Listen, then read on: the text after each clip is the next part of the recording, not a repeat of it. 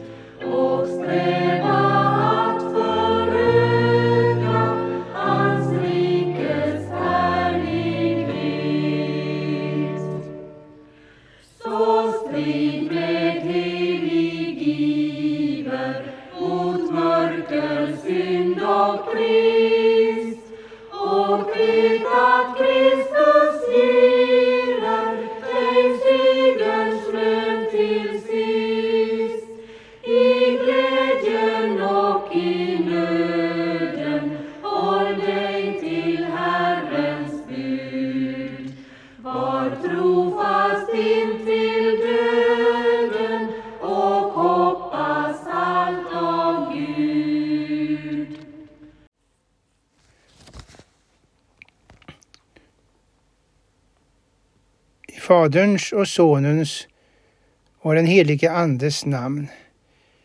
Kom helge Ande till mig in. Upplys min själ, upptänd mitt sinn att jag i dig må bliva. Låt lysa livets ljus för mig och led mig på den rätta stig. Dig vill jag helt mig giva. Evangeliet är hämtat från Matteusevangeliets 20 kapitel, verserna 1 till och med 16. Himmelriket är som en husbonde som gick ut tidigt på morgonen för att leja arbetare till sin vingård. Han kom överens med dem om en dagslön på en denar och skickade dem till sin vingård. Vid tredje timmen gick han ut och såg några andra stå sysslolösa på torget. Han sa till dem, Gå till vingården ni också, jag ska ge er en rättvis lön. Och det gick. Vid sjätte och nionde timmen gick han ut igen och gjorde likadant. Även vid elfte timmen gick han ut och fann några andra som stod där och han sa till dem Varför står ni här sysslolösa hela dagen? De svarade honom Därför att ingen har lejt oss. Han sa då till dem Gå till vingården ni också. På kvällen sa vingårdens herre till sin förvaltare Kalla på arbetarna och ge dem deras lön, men börja med det sista och sluta med det första. De som hade blivit lejda vid elfte timmen kom då fram och fick var sin denar. När sedan det första kom trodde de att de skulle få mer, men de fick också en denar. När de fick den klagade de på husbonden och sa De där som kom sist har arbetat en enda timme och du har jämställt dem med oss som har stått ut med dagens slit och hetta. Han svarade en av dem. Min vän, jag är inte orättvis mot dig. Var du inte överens med mig om en denar? Ta det som är ditt och gå. Men jag vill ge den siste lika mycket som jag gav dig. Får jag inte göra som jag vill med det som är mitt? Eller ser du med onda ögon på att jag är god? Så ska det sista bli det första och det första bli det sista. Som ett ämne för den här predikan ska vi ha följande. Den store jordägaren är också en jordägare. Alltså, den store jordägaren är också en jordägare. I detta ämne stavas jordägare och jordägare olika, vilket man ska ha i minnet. Vem är den store jordägaren? Jordägaren med enbart J i början. Jesus berättar en liknelse om en husbonde som är jordägare och som lejer arbetare till sin vingård. Vingårdsägaren är herre över sin egendom men behöver alltså arbetare. I skriften betyder hus inte bara en byggnad utan också en familj eller ett hushåll. Bland människor finns det jordägare, husbönder, familjefäder, matmödrar, herrar och andra som har fått en bit att råda över. Kallelsen att råda över sin bit av tillvaron och jorden har människan fått av sin Herre, det vill säga Herren Gud, inför vilken hon också har redovisningsskyldighet. Det är Herren som är skaparen av himmel och jord, av allt vad synligt och osynligt är. Därför kan man säga att jorden är Herrens och att hans vingårdsarbetare har att sköta sin kallelse med den stora räkenskapsdagen för ögonen. Genom att synden har kommit in i världen, genom ett uppror i högmod, är skötseln av egendomen bristfällig. Människan följer sina egna själviska och högmodiga begär. Hon sticker näsan i vädret, anklagar Gud för sin egen synd och är inte värd att få någon lön. Vad har då Herren gjort när han har sett sina människobarn köra ner sig i otro och synd och förstöra livet för både sig själv och nästan.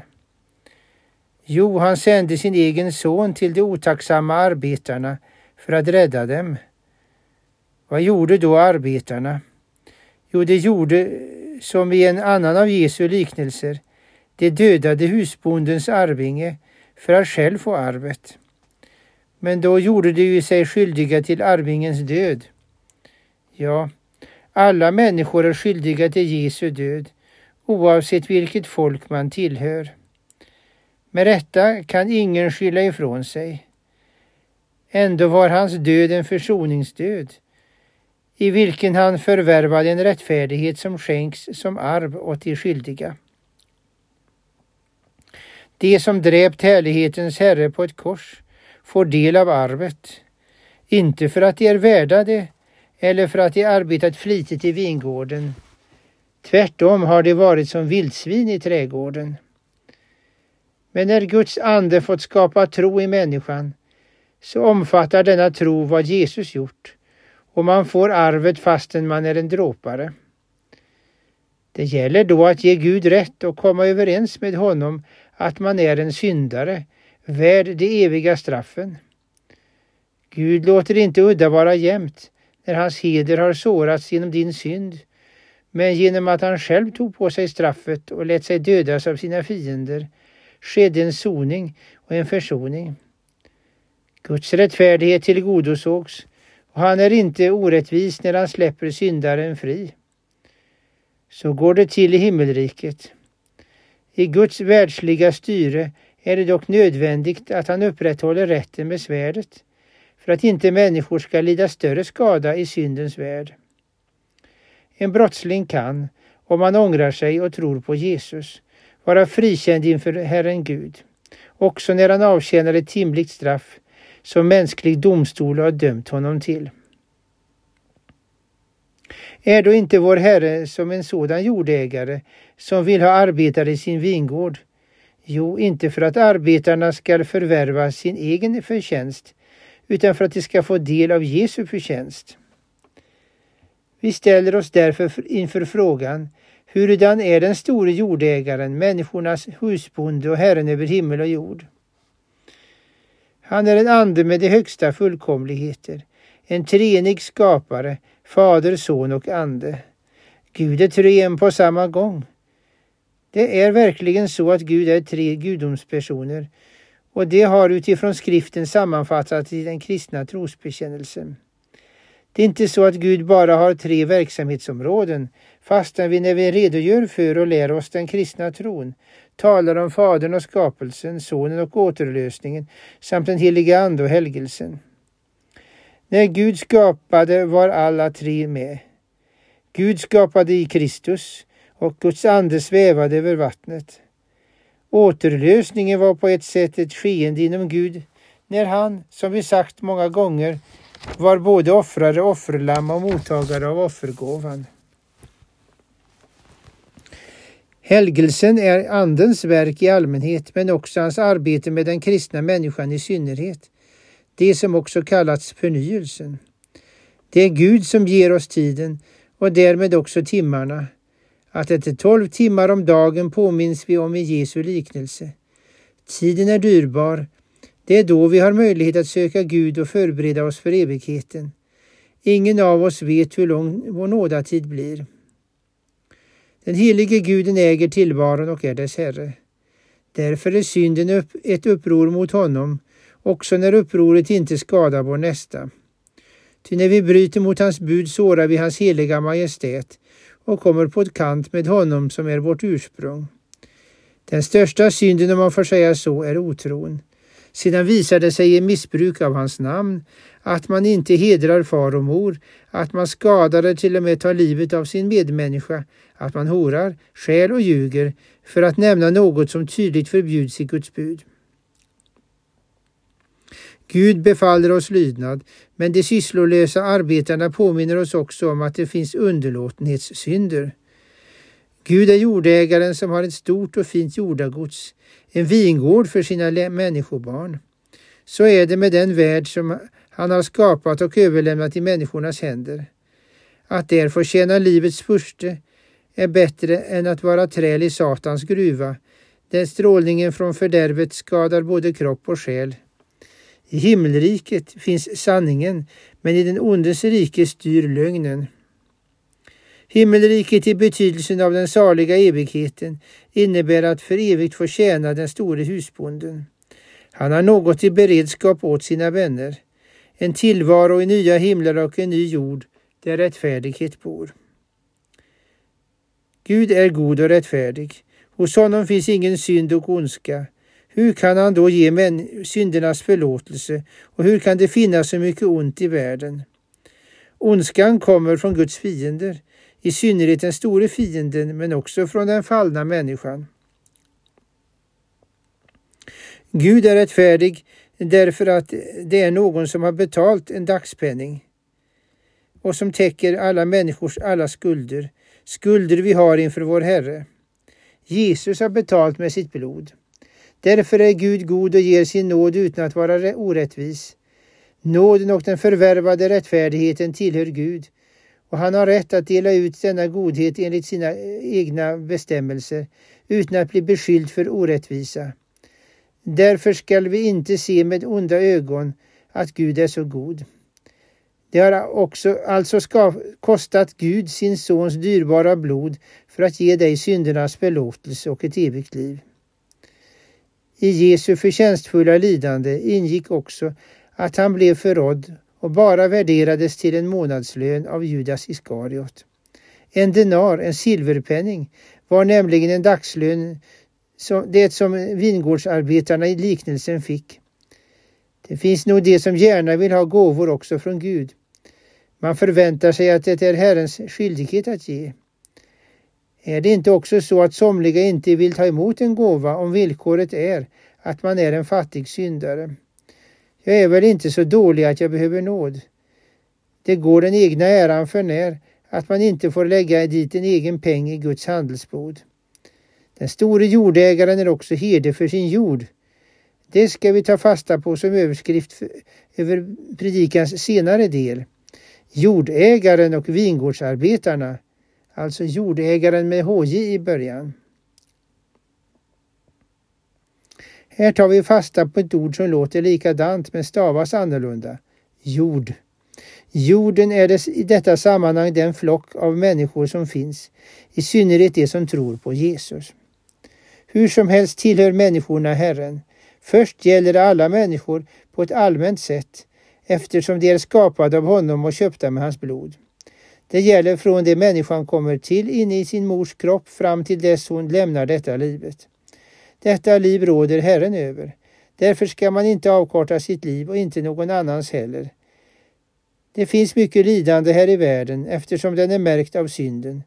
Men den som litar på Jesus får ta det i sin hand samtidigt som man framför klagomål till eh, den himmelske Fadern på ett sätt som liknar vingårdsarbetarnas missnöje. Slitet här i världen hänger ihop med att vi kommit på kant med Herren Gud.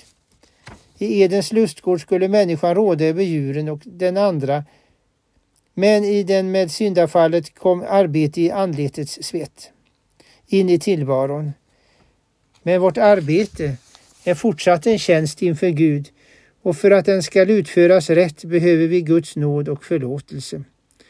En människas eget verk och förmåga för henne inte en millimeter närmare himmelen, men hon kan i sin kallelse arbeta för Gud så att nästan får nytta av det.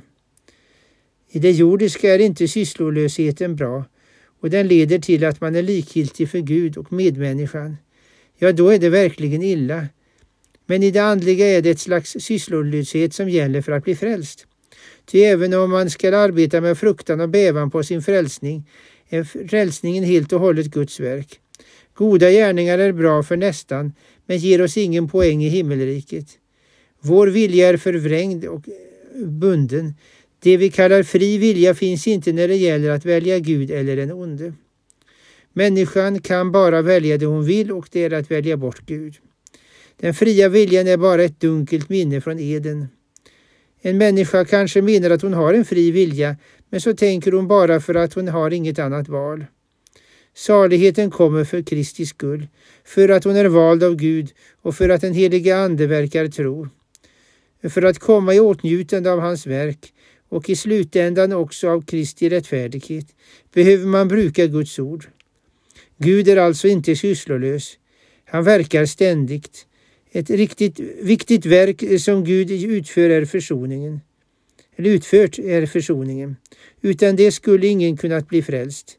Verket sammanfattas i Jesu ord på korset. Det är fullbordat.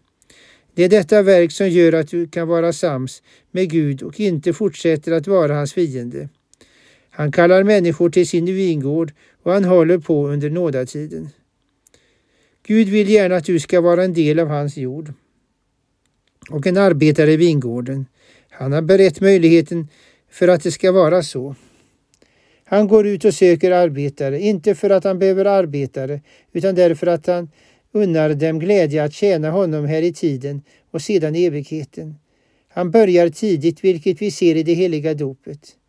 Han får tag på några tidigt, andra kommer senare. Några kommer allra sist. Men det är viktigt att överhuvudtaget komma, annars dör man i sina synder och går evigt förlorad. För alla gäller bara en grund för saligheten, Guds nåd i Kristus. Så är det oavsett hur länge man vandrat med honom. Det finns många undanflykter från en människas sida när hon kallas av Herren. Ingen har lejt oss. Jag vill inte vara jämställd med den och den. Gud handlar inte som jag vill att han ska handla. På så sätt är man osams med honom. Lyckligt är det när, om man tvärtom är överens med Herren. Det är en överenskommelse inte en överenskommelse att jag gör lite grann i början och så fyller Gud ut när det gäller tron och saligheten.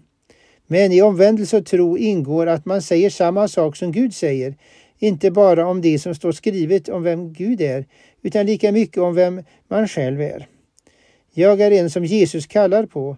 Jag är en som vill vara berömd efter förtjänst, fast det är fel väg i Guds rike. Jag är mannen som ofta vädrar mitt missnöje med Guds styrelse. Det gäller att förstå och erkänna att man är en syndare. En syndare är inte bara den som svär, mördar, lever i äktenskapsbrott och ljuger. Nej, man är en syndare när man inte litar på Jesus och när man berömmer sig av att man är värd att få lön. Jag är ändå ganska bra och inte som han eller hon där borta. När du och din frälsare är överens om att du är en brottsling och att han är din återlösare, då har ni kommit dit där Guds rättfärdighet tillräknas dig för Jesus skull. Rättfärdigheten är inte bara något som du kräver av Gud eller han kräver av dig, utan främst något som han ger därför att han är god. Är du innesluten i Jesus och Gud ser på dig, då ser han inte din synd utan han ser Jesus. Du får vara med i Guds jord fastän den är liten. Har du tidigare tänkt att du var först upptäcker du att du är sist. Men även åt den som kommer sist ges nådelön. Man får vara på den plats i livet som Jesus ger. Det är för övrigt till honom du får gå med dina frågor och ditt missnöje. Men glöm inte att det är han som i slutändan har rätt. Rätt att avvisa dig, vilket han inte gör för Jesus skull.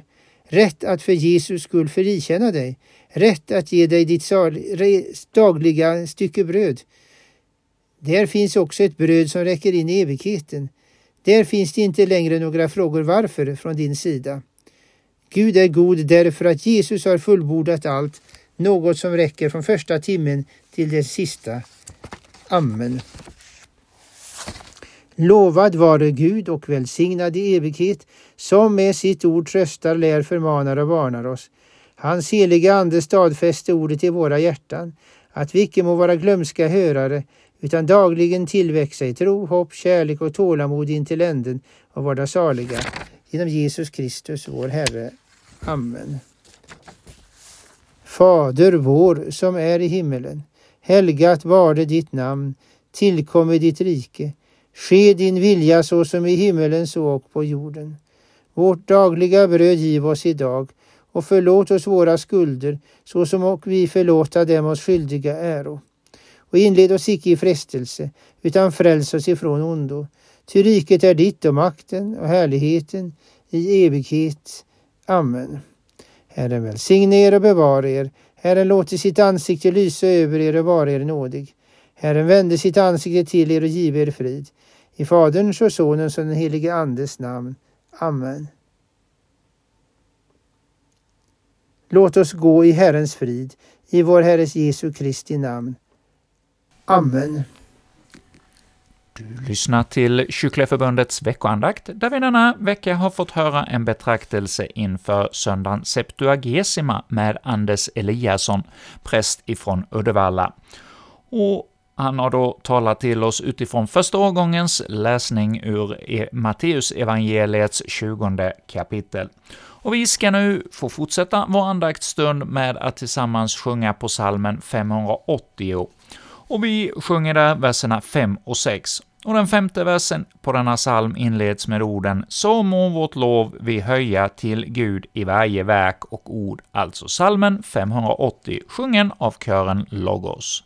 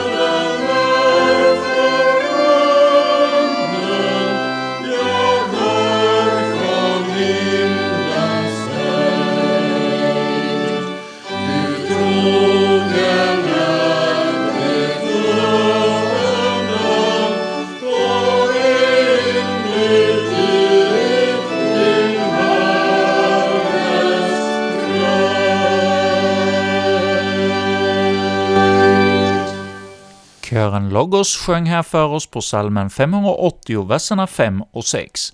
Och här i Kycklingeförbundets veckoandakt går nu vår tid mot sitt slut för denna, detta program denna vecka, men vi hälsar er alla hjärtligt välkomna igen om en vecka, att då få lyssna till en betraktelse inför söndagen Sexagesima.